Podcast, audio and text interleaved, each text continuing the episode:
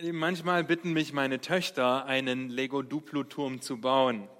Und zwar einen Lego-Duplo-Turm, der höher ist als Papa, was mich bei meiner Größe manchmal vor Herausforderungen stellt, ähm, weil wir dazu quasi jeden einzelnen Duplo-Stein gebrauchen müssen, den wir besitzen. Und die nächste Herausforderung ist dann die Konstruktion, um auch so hoch bauen zu können. Denn offensichtlich ist es nicht möglich, einfach einen schmalen Turm zu bauen, der dann nach kürzester Zeit umfällt. Nein, es braucht ein Fundament. Ja, es braucht eine Grundlage, auf der man aufbauen kann, ohne dass dieser Turm umfällt. Und genau das ist das, was Römer 8 eigentlich jetzt macht. Es legt uns ein Fundament, eine pyramidenartige Form. Und nächste Woche zeige ich euch diese Pyramide, das der Sicherheit des Christen in Christus.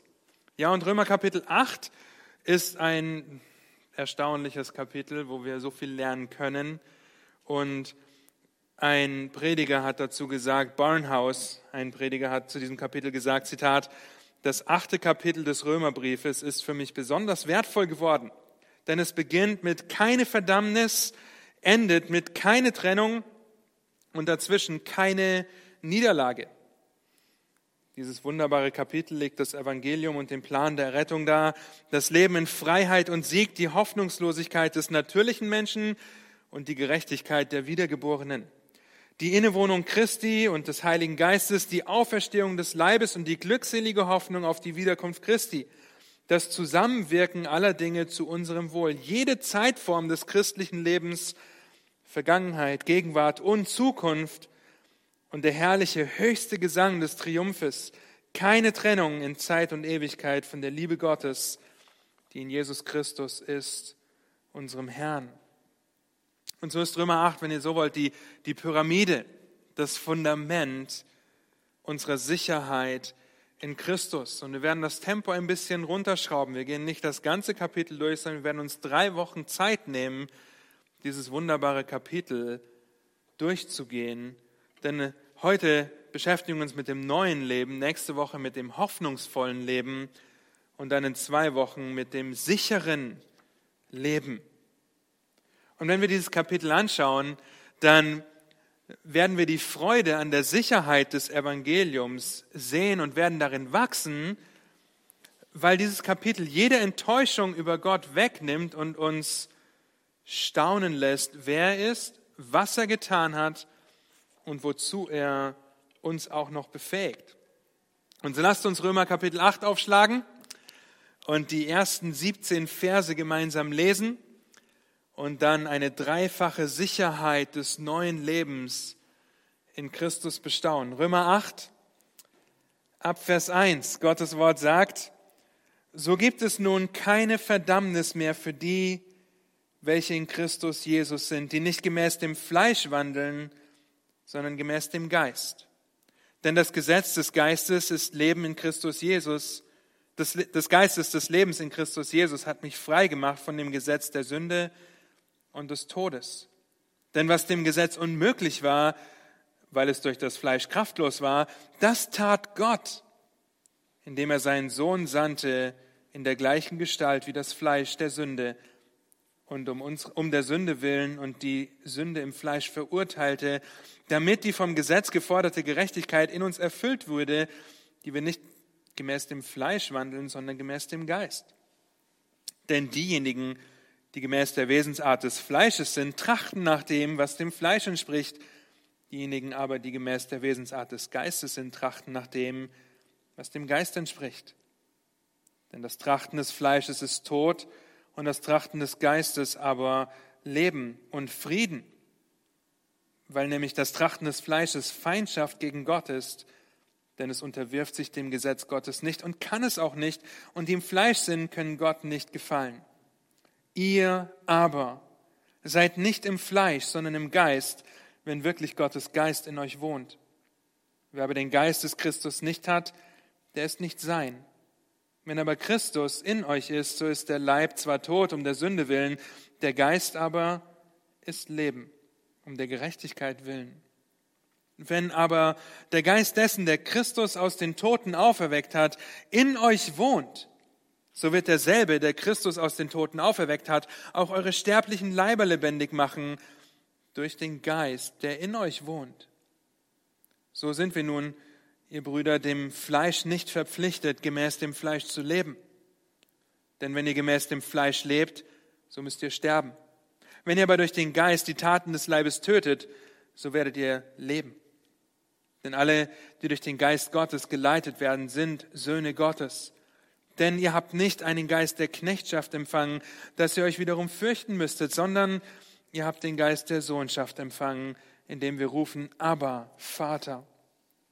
Der Geist selbst gibt Zeugnis zusammen mit unserem Geist, dass wir Gottes Kinder sind.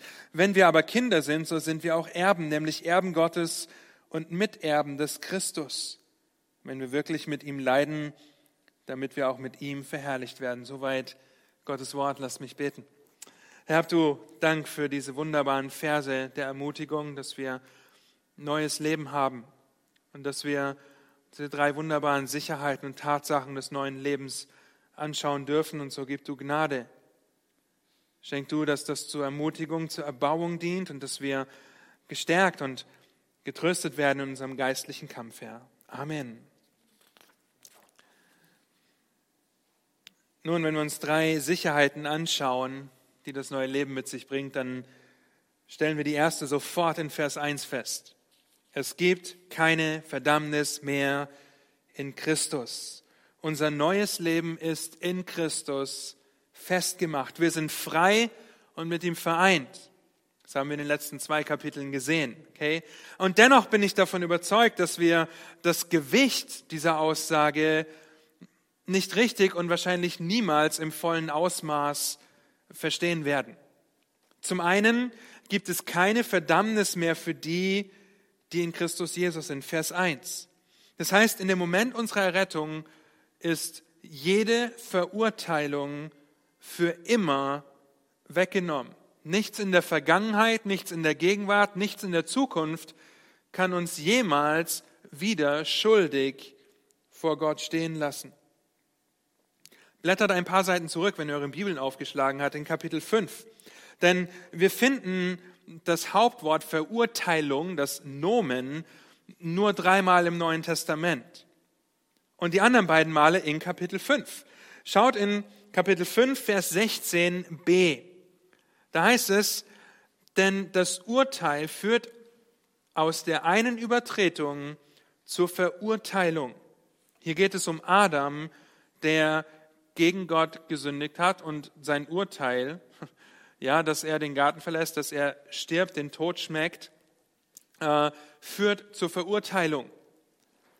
Es geht um die Sünde Adams, die absolut tödlich war und ein Urteil ewigen Ausmaßes mit sich gebracht hat. Darüber müssen wir nicht weiter reden, wenn wir uns in dieser Welt umschauen und selber mit Sünde kämpfen. Und zwei Verse weiter in Vers 18 heißt es also, wie nun durch die Übertretung des einen die Verurteilung für alle Menschen kam, so kommt auch durch die Gerechtigkeit des einen für alle Menschen die Rechtfertigung, die Leben gibt.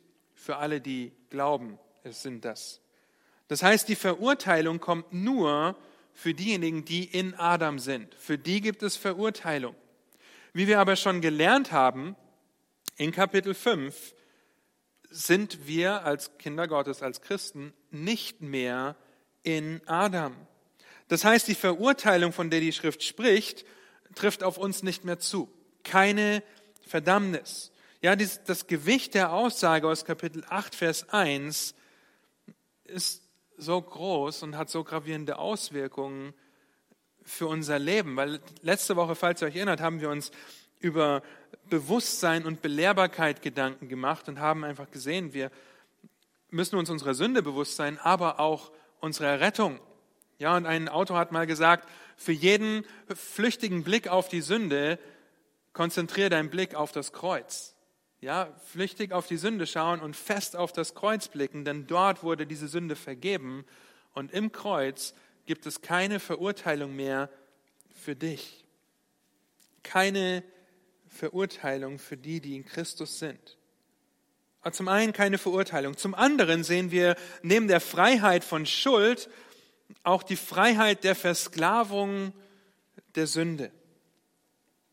Hier benutzt Paulus in Vers 2 das Wort Gesetz, Gesetz der Sünde. Und er benutzt das im allgemeinen Sinne dessen, dass etwas Kraft oder Macht hat, wie das Gesetz der Schwerkraft, okay, dass unweigerlich Dinge nach unten fallen, wenn wir sie loslassen, es sei denn, sie sind mit Helium gefüllt und es handelt sich um einen Ballon, aber ein Gesetz, das einfach eine Gesetzmäßigkeit mit sich bringt, okay, das Gesetz der Sünde führt nur zum Tod. Die Kraft und die Macht, die die Sünde hat, führt nur zum Tod.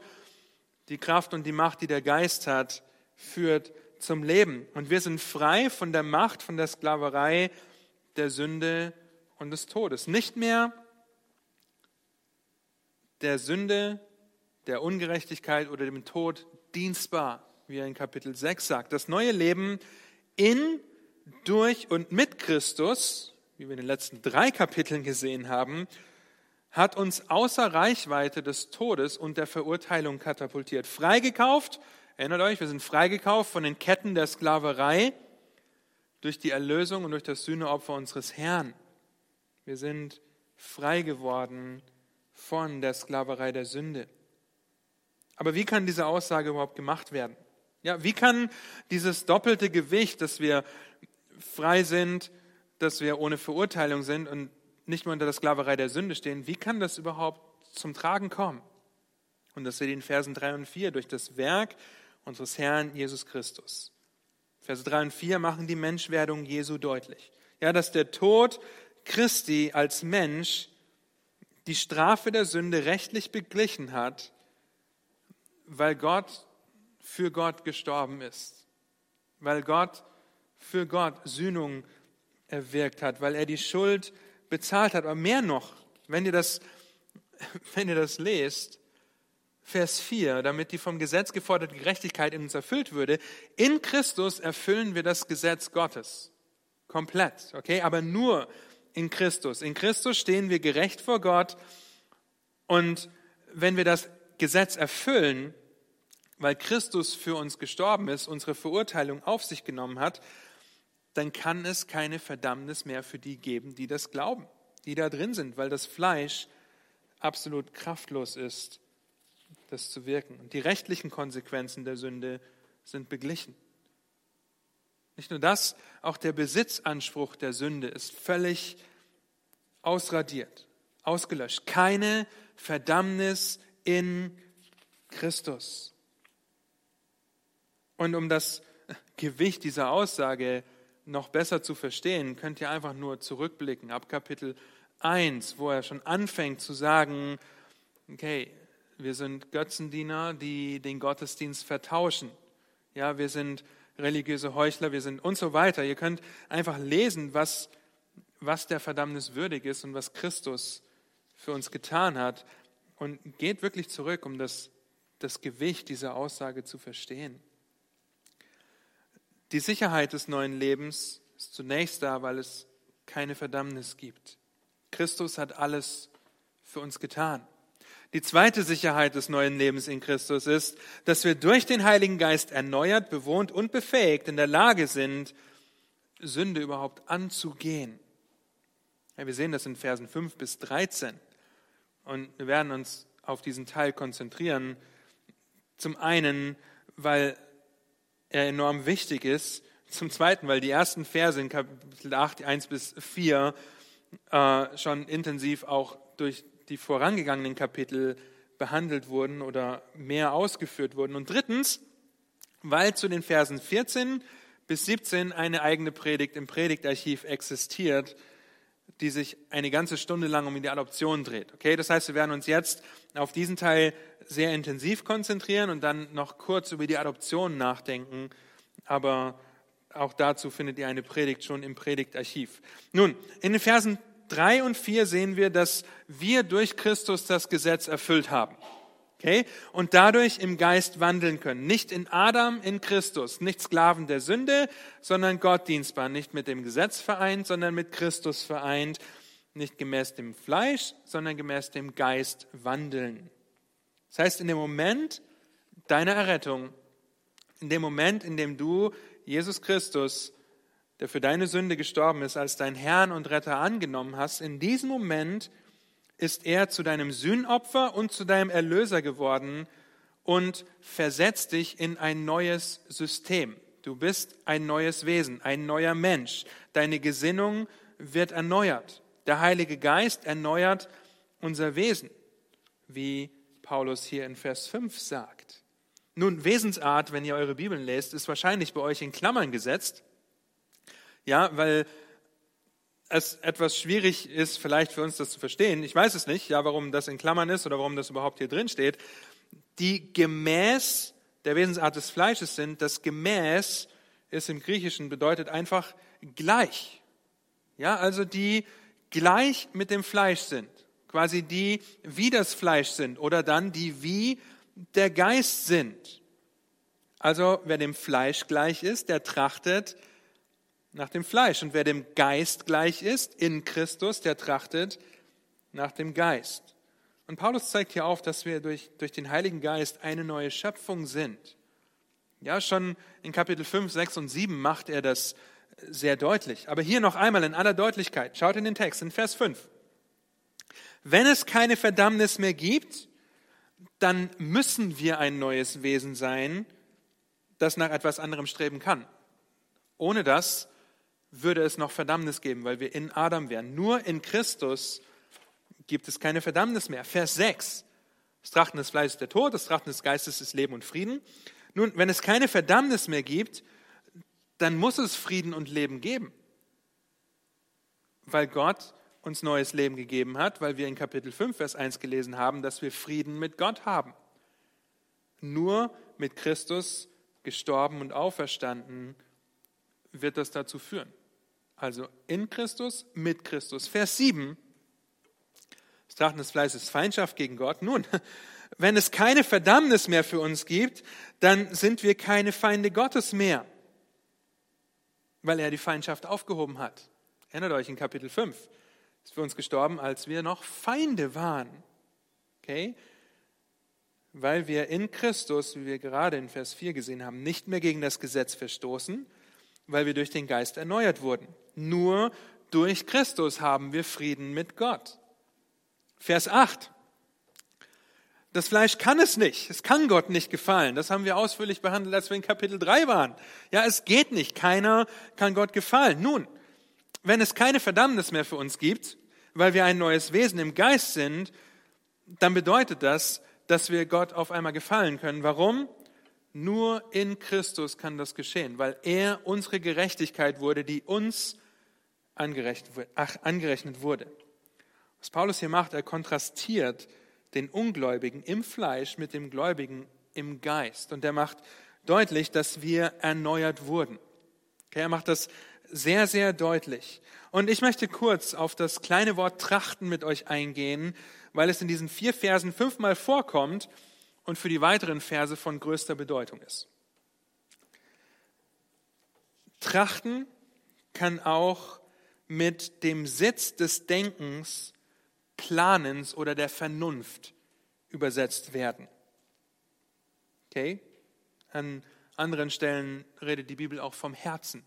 Sprüche 4,23. Mehr als alles behüte dein Herz, dein Trachten, um es noch einfach zu erklären, bedeutet es einfach, sich auf eine Sache zu konzentrieren oder intensiv mit etwas zu beschäftigen. Deine ganze Aufmerksamkeit und Vorstellungskraft ist völlig von dieser einen Sache gefangen genommen. Das bedeutet es, nach etwas zu trachten. Durch den Geist, der uns lebendig gemacht hat und durch Christus erlöst hat, sind wir ein neues Wesen, das nach anderen, nach neuen Dingen trachten kann das sich auf Gottes Wahrheiten und seine Errettung konzentrieren kann, anstatt in Feindschaft mit ihm zu stehen und nur danach zu trachten, was der Tod halt so mit sich bringt. Vers 5 ist so wunderbar, weil es ist die Zusammenfassung für das, was folgt und was er auch schon vorher sagt, nicht gemäß dem Fleisch wandeln in Vers 1, sondern gemäß dem Geist. Ja, das ist der Kontrast, den er sagt in Vers 5 dann, Du trachtest entweder gemäß der Wesensart nach des, des Fleisches, nach dem Tod, was dem Fleisch entspricht, oder gemäß dem Geist, ja, wo dann das Leben entspringt.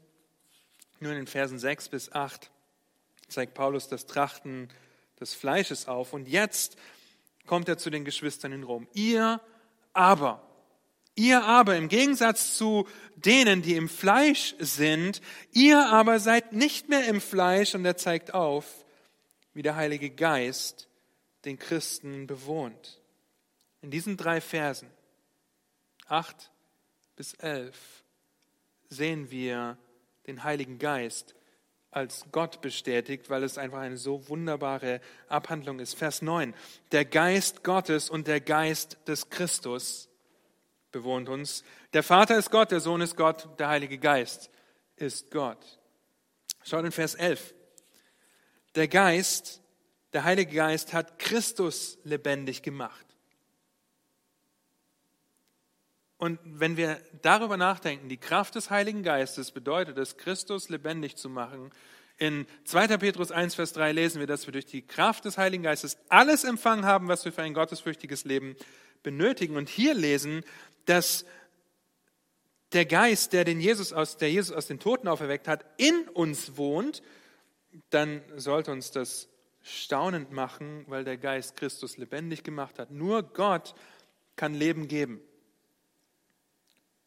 Paulus bestätigt das schon in Römer 1, Vers 4, wenn er die Auferstehung dem Heiligen Geist zuweist. Das heißt, in den ersten Versen von Römer 8 legt Paulus die Grundlage für den Rest des Kapitels. Er zeigt die Kraft auf, die der Heilige Geist hat und die Tatsache, dass er den Gläubigen bewohnt. Mit dem Zeitpunkt deiner Errettung, meiner Errettung, werden wir durch den Heiligen Geist zu einem neuen Wesen. Und wir lesen, dass wir durch den Geist zu einem Tempel Gottes werden. Unser Körper ist der Tempel des Heiligen Geistes.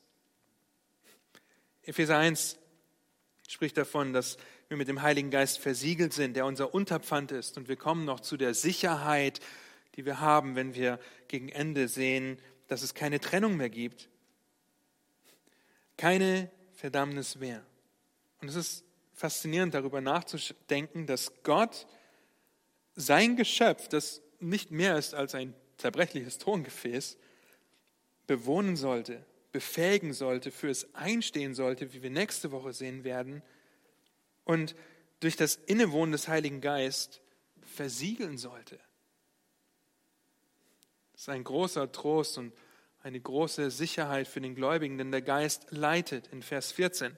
Er bestätigt die Sohnschaft in Vers 15. Er gibt Zeugnis mit unserem Geist, Vers 16. Er steht für uns ein, Vers 26 und 27. Nun, wenn der Geist Gottes nicht in einem Menschen wohnt, muss er zwangsläufig im Fleisch sein, okay? Das sind die zwei Naturen, die es gibt.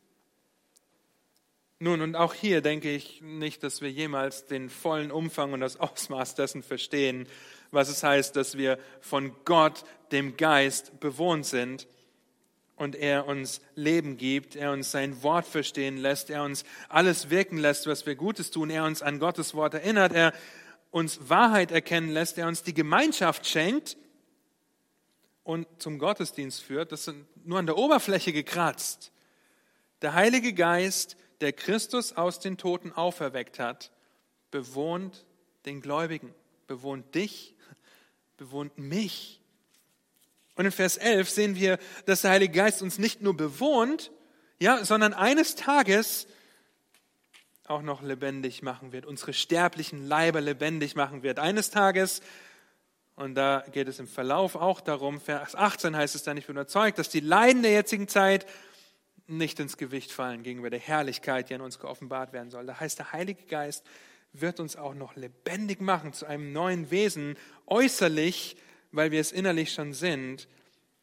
Und so können wir die Überzeugung haben, dass wir eines Tages und diese Hoffnung haben, dass wir eines Tages verherrlicht vor unserem Herrn stehen, wo es keine Tränen, kein Schmerz, kein Leid, keine Herausforderungen mehr gibt, weil wir nur noch Christus sehen. Bis dahin stehen wir aber im geistlichen Kampf. Und in den nächsten Versen macht Paulus das deutlich, dass wir in diesem Kampf stehen. Verse 12 und 13. Der Heilige Geist befähigt uns, Sünde zu töten. Nach seiner Ausführung wird er deutlich, dass wir ein neues Wesen sind. das nach etwas anderem trachten kann. Und jetzt kommt er zurück, was das für den Gläubigen bedeutet. So sind wir also, ihr Brüder, dem Fleisch nicht verpflichtet, gemäß dem Fleisch zu leben. Nun, das erinnert uns vielleicht an Kapitel 7, Vers 14, dass wir noch unters Fleisch verkauft sind. Es erinnert uns an Kapitel 6, Vers 11 bis 13, dass wir uns nicht als Waffen der Ungerechtigkeit, sondern als Waffen der Gerechtigkeit hingeben sollen. Wir sind nicht mehr verpflichtet. Das bedeutet auch, dass wir durch den Geist die Fähigkeit besitzen, nach etwas anderem als Fleisch zu trachten. Und doch, und doch tun wir das immer wieder oder nicht. Wir sündigen. Wir konzentrieren uns auf etwas Falsches. In dem Moment der Sünde geben wir dem sterblichen Leib nach, wandeln fleischlich, aber wir sind dem eigentlich nicht mehr verpflichtet. Verpflichtet bedeutet, jemandem zu gehören oder in jemandes Schuld stehen. Ja, und dieses Wort ist uns schon mal begegnet im Römerbrief in Kapitel 1, Vers 14, wo Paulus sich als Schuldner am Evangelium bezeichnet, weil er es allen verkündigen muss.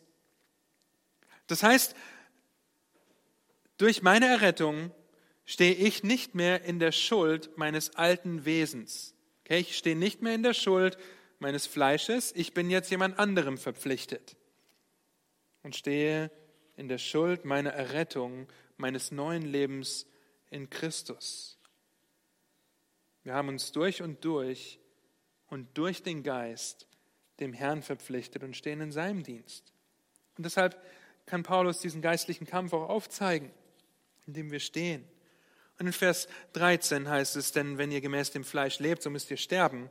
Nun, gemäß dem Fleisch zu sein bedeutet wieder, dem Fleisch gleich zu sein. Vers 13a in unserem Text ist also keine Panikmache, dass man sein Heil verlieren kann, sondern eher ein Merkmal, dass man kein Leben hat, sonst wäre man nicht mehr dem Fleisch gleich.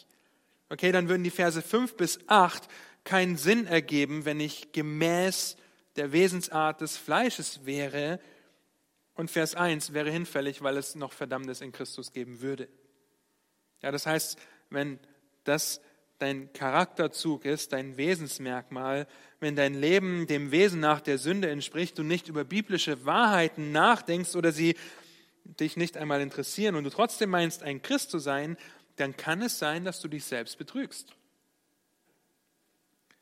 Vielleicht hast du Wertvorstellungen, die Gott entsprechen, aber das führt nicht zu angerechneter Gerechtigkeit. Ja, du hast keine neue Gesinnung, du bist nicht der Tempel des Heiligen Geistes. Aber kommen wir zum zweiten Teil von Vers 13. Wenn ihr aber durch den Geist die Taten des Leibes tötet, so, tötet, so werdet ihr leben dass du Sünde hast und sie ablegen willst, ist ein Indiz für ein neues, ewiges Leben. Und das Wort töten, was hier so dominant im Text steht, bedeutet zu ermorden oder zu einem vollständigen Ende zu führen. Ein Kommentator schreibt dazu, Abtötung bezeichnet einen unbarmherzigen, gnadenlosen, uneingeschränkten Widerstand gegen sündige Verhaltensweisen. Das Wort selbst, das mit zu Tode gebracht oder hier töten übersetzt wird, ist brutal und absolut. Es bedeutet alles, von dem wir wissen, dass es falsch ist, völlig zurückzuweisen. Einstellungen und Verhaltensweisen, die falsch sind, den Krieg zu erklären, ihnen kein Pardon zu geben, keine Gefangenen zu nehmen alle Register zu ziehen. Findest du dich in der Beschreibung dieser Kriegsführung gegen deine Sünde wieder? Oder bist du eher ein Freund deiner Sünde? Weil du dir erstens vielleicht nicht des Ausmaßes dieses Kampfs bewusst bist, weil du zweitens vielleicht die Einstellung hast, ich habe es unter Kontrolle. Was soll schon schiefgehen? Ja, ja ich, ich gehe nur bis hier in meiner Sünde und nicht weiter. Nun, oder drittens denkst, dass du mit der Sünde in deinem Leben Frieden haben kannst.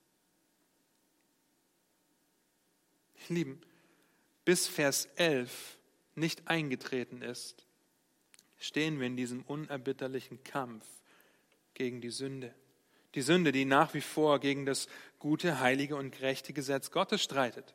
Kapitel 7, Vers 14 macht Paulus das ganz deutlich. Er kämpft noch gegen die Sünde. Nun, bisher haben wir gesehen, es gibt keine Verurteilung mehr für den Christen. Der Geist erneuert, bewohnt und befähigt uns, Sünde abzutöten, gegen sie in unserem Leben zu kämpfen, weil wir eine neue Gesinnung haben, ein neues Wesen sind. Und in Vers 13 schließt sich der Kreis auch der vorangegangenen Verse. Denn warum sollten die Verse 5 bis 8 oder Kapitel 7, die Verse 14 bis 25 von Relevanz sein, wenn wir heute nicht mehr sündigen würden? Wenn wir einfach perfekt sein würden und heute schon nicht mehr sündigen würden. Nun, stattdessen sehen wir, welchen Unterschied es macht, wonach wir trachten. Und ich möchte kurz, dass wir uns Gedanken darüber machen, ja, wie wir da reinkommen und auch wie wir da wieder rauskommen, weil das von größter Bedeutung ist. Und die Schritte der Sünde könnt ihr in 1. Mose 3 nachverfolgen. Schaut mal, oft ist es so, es beginnt mit der Täuschung. Sollte Gott wirklich gesagt haben, das? Dann fängst du an zu zweifeln. Sollte Gott wirklich gesagt haben? Gott ist nicht wirklich gut. Dann fängst du an, etwas zu sehen, was, wo du dir erhoffst, wo du dir erhoffst, deine Zufriedenheit zu finden. Von dem Baum war gut zu essen, wir erinnern uns. Dann kommt der Ungehorsam. Dann sehen wir bei Adam und Eva, dass sie traurig sind, betrübt über ihren Ungehorsam. Und was tun, als Gott kommt? Sie verstecken sich, sie versuchen das zu vertuschen und letztendlich bringt das den Tod. Nun für uns als Christen, als Kinder Gottes, wir finden uns hier drin wieder. Okay? Nur für uns steht am Ende keine Verdammnis, weil Christus für uns gestorben ist. Jetzt ist meine Frage an euch. Wo in dieser Liste setzen wir am häufigsten an, wenn wir gegen unsere Sünde angehen? Was würdet ihr sagen? Wo setzen wir am schnellsten an? Am Tod? okay, am Ungehorsam.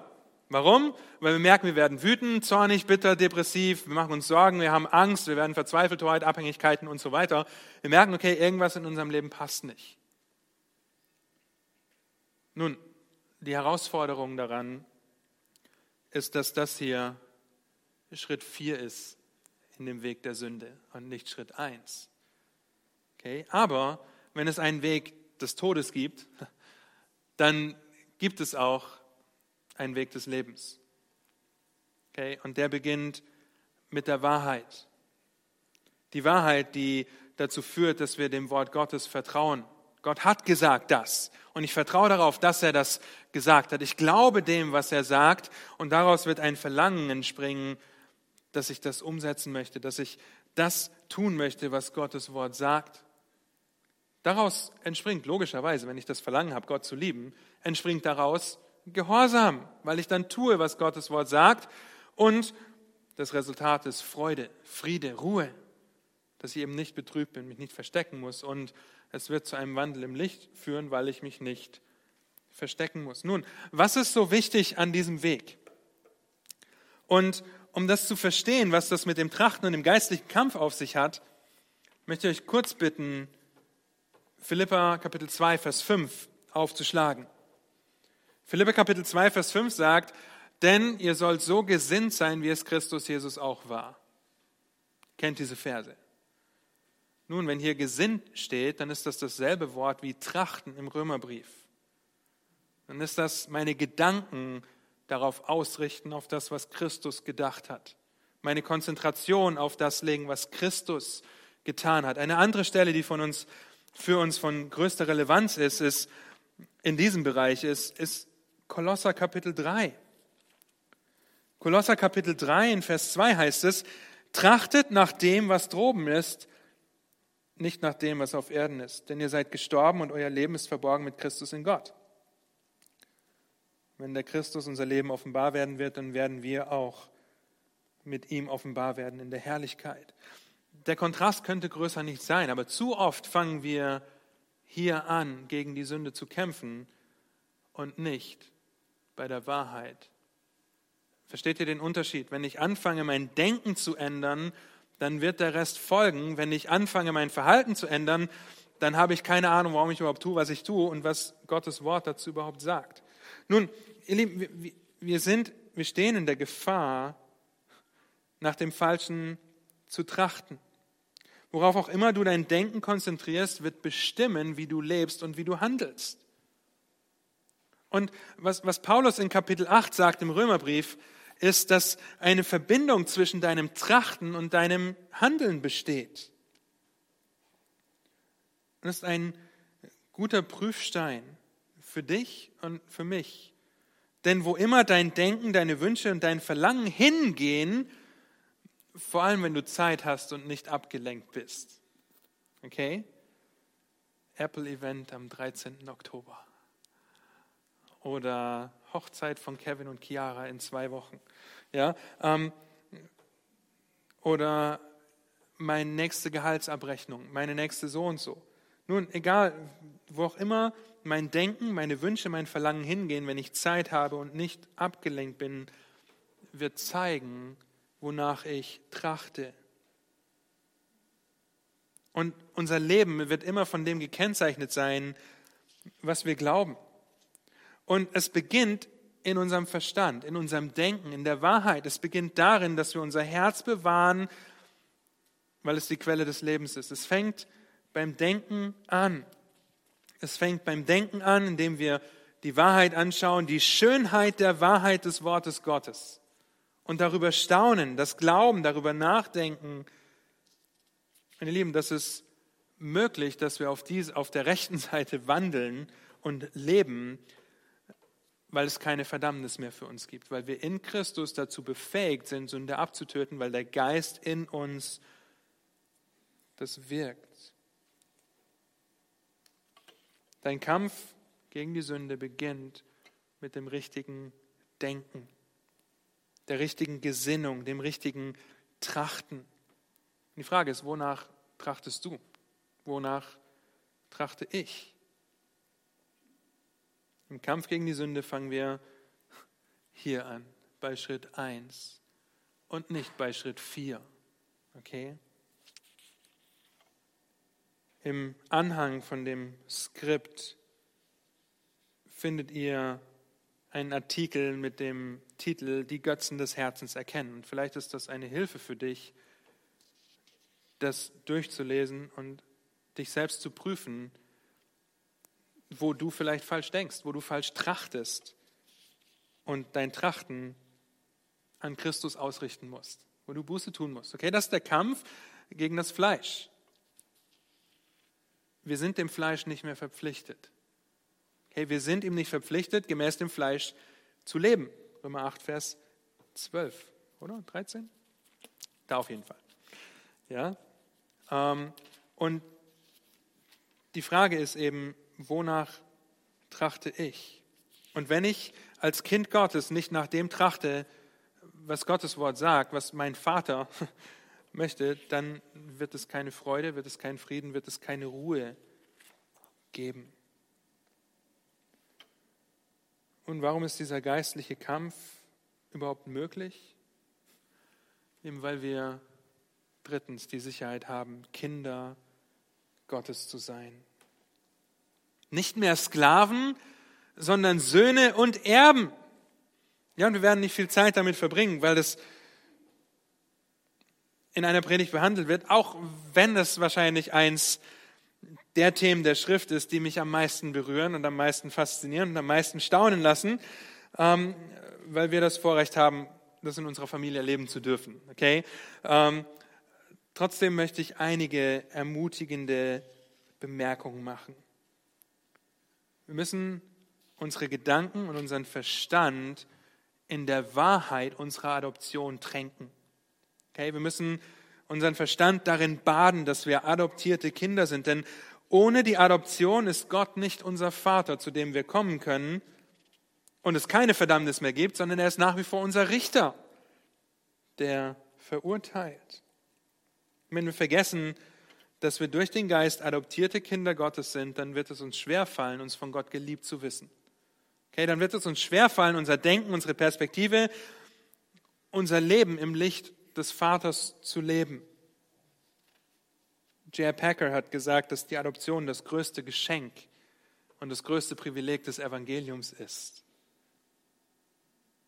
weil es Gott von einem Richter zu meinem Vater macht. Alle anderen Tatsachen erblassen in dieser Wahrheit, sagt Packer. Ja, vom Feind zum Freund, was wir in Kapitel 15, ist ein, ein herrlicher Gedanke. Vom Sklaven der Sünde zum Sklaven Gottes in Kapitel 6 eine faszinierende und tolle Wahrheit, eine freudige Wahrheit. Nicht mehr in Adam, sondern in Christus zu sein, lässt uns freudig jubeln, das ist keine Frage. Aber vom verurteilten Sünder zu einem nie wieder zu verurteilenden Kind? Gott ist nicht mehr unser Richter. Gott ist unser Vater. Ja, jede rechtliche Verbindung zur Sünde gekappt. Jede Schuld, die wir vorher auf uns geladen haben, vergeben. Keine Verdammnis mehr für die Kinder Gottes. Weil wer das tut? Gott. In Christus durch den Geist sind wir Kinder Gottes. Und damit einhergehen wunderbare Privilegien, die ihr in diesen Versen seht. Wir haben absoluten Frieden. Nicht einen Geist der Knechtschaft, sondern den Geist der Sohnschaft empfangen. Wir haben die Autorität, Sünde abzutöten. Es würde nicht gehen, wenn wir nicht Gottes Kinder wären. Unser Bürgerrecht ist im Himmel. Wir haben eine innige Beziehung zu Gott. Lieben, und, und was Paulus hier benutzt, ist sowohl hebräisch als auch griechisch, aber Vater das ist nicht, wie wir Vater heute sagen würden, Herr Vater, darf ich bitte? Ja? Wenn ihr etwas ganz formal von eurem Vater möchtet. Ja? Sondern es ist Papa. Oder wie auch immer sie uns so einem Papa sagt. Paps, Papa, Daddy, wie, wie auch immer. Es ist diese innige, intime Beziehung zu deinem Vater, zu deinem Papa, zu dem du jederzeit kommen kannst mit einem zerbrochenen Spielzeug, mit Tränen in den Augen und kannst sagen, Papa, ich habe es kaputt gemacht, nur du kannst es reparieren in einem gewissen Alter glauben das die Kinder auch noch. Später dann stellen sie fest, dass Papa auch nicht alles reparieren kann. Nun, Gott kann alles reparieren. Und hier ist nichts Formales gemeint. Das ist eine intensive, innige Beziehung zu Gott. Wir haben absolute Sicherheit, denn das bezeugt uns der Heilige Geist zusammen mit unserem Zeugnis durch unseren Geist, dass wir Gottes Kinder sind. Und wenn wir Kinder sind, dann ist das größte Privileg, was vor uns liegt, das Erbe. Erben Gottes und Miterben des Christus. Die Freude auf das, was vor uns liegt. Die lebendige Hoffnung, die wir haben. Mit Christus sind wir Erben des neuen ewigen Lebens. Und Lieben, wir haben heute Abend leider nicht mehr Zeit, dieses wunderbare Kapitel, diese wunderbaren Wahrheiten des neuen Lebens anzuschauen. Die Frage ist, Glaubst du das? Und hast du das für dich in Anspruch genommen? Wenn ja, zeigt sich das durch dein Trachten, durch dein Denken? Und wo musst du vielleicht radikal lernen, mit aller Gewalt gegen Sünde in deinem Leben vorzugehen? Sünde aufgrund deiner eigenen Sünde, Sünde aufgrund dessen, dass an dir gesündigt wurde, aufgrund der Umstände oder aufgrund der Tatsache, dass du sündigst, weil du mit irgendwelchen Umständen deines Lebens nicht zufrieden bist. Aber radikal gegen Sünde vorzugehen, nicht weil Gott dein Richter ist, okay, sondern weil er dein Vater ist, der dir alles bereitgestellt hat, der dich dazu befähigt, die Sünde zu töten. Lest nochmal Vers 13. Wir töten die Sünde durch den Geist, der uns bewohnt, der uns zu einem neuen Wesen gemacht hat, der unsere Gesinnung erneuert hat. Der befähigt uns. Du kannst zu deinem Vater, zu deinem Papa gehen und ihn bitten, dir dabei zu helfen. Nächste Woche werden wir in Vers 17 beginnen und bis Vers 30 weitermachen und das hoffnungsvolle Leben anschauen. Ja, und bis dahin hoffe ich, dass ihr ermutigt seid, wenn ihr über diese Sicherheiten des neuen Lebens nachdenkt Und wenn er darüber nachdenkt, wo muss ich meine Gesinnung erneuern lassen? Durch das Wort. Und falls ihr die Liste seht, die Wahrheit ist Gottes Wort. In der Wahrheit alleine sehen wir, was Gott von uns möchte. Lasst mich noch beten. Herr, du unendlich Dank dafür, dass wir deine Kinder sind, dass wir Vater sagen dürfen. Herr, auf der einen Seite erfüllt uns das so mit Freude und Jubel, dass wir deine Kinder sind. Auf der anderen Seite mit Ehrfurcht, weil der heilige Gott unser Vater ist. Der heilige Gott, der möchte, dass wir heilig sind, dass wir würdig unserer Sohnschaft wandeln. Und so bete ich für uns, dass du uns Gnade schenkst, dass wir die Gesinnung haben, die Christus, die du, Herr Jesus, hast. Und dass wir nach dem trachten, was du möchtest, damit du die Ehre bekommst durch unser Leben. Und hab du Dank dafür, dass du uns dazu befähigst, durch deinen Geist, der uns erneuert hat, der in uns wohnt, der uns eines Tages auch am Leib erneuern wird, für die Ewigkeit bereit machen wird und der uns befähigt, Sünde in unserem Leben abzutöten, Herr. Amen. Amen.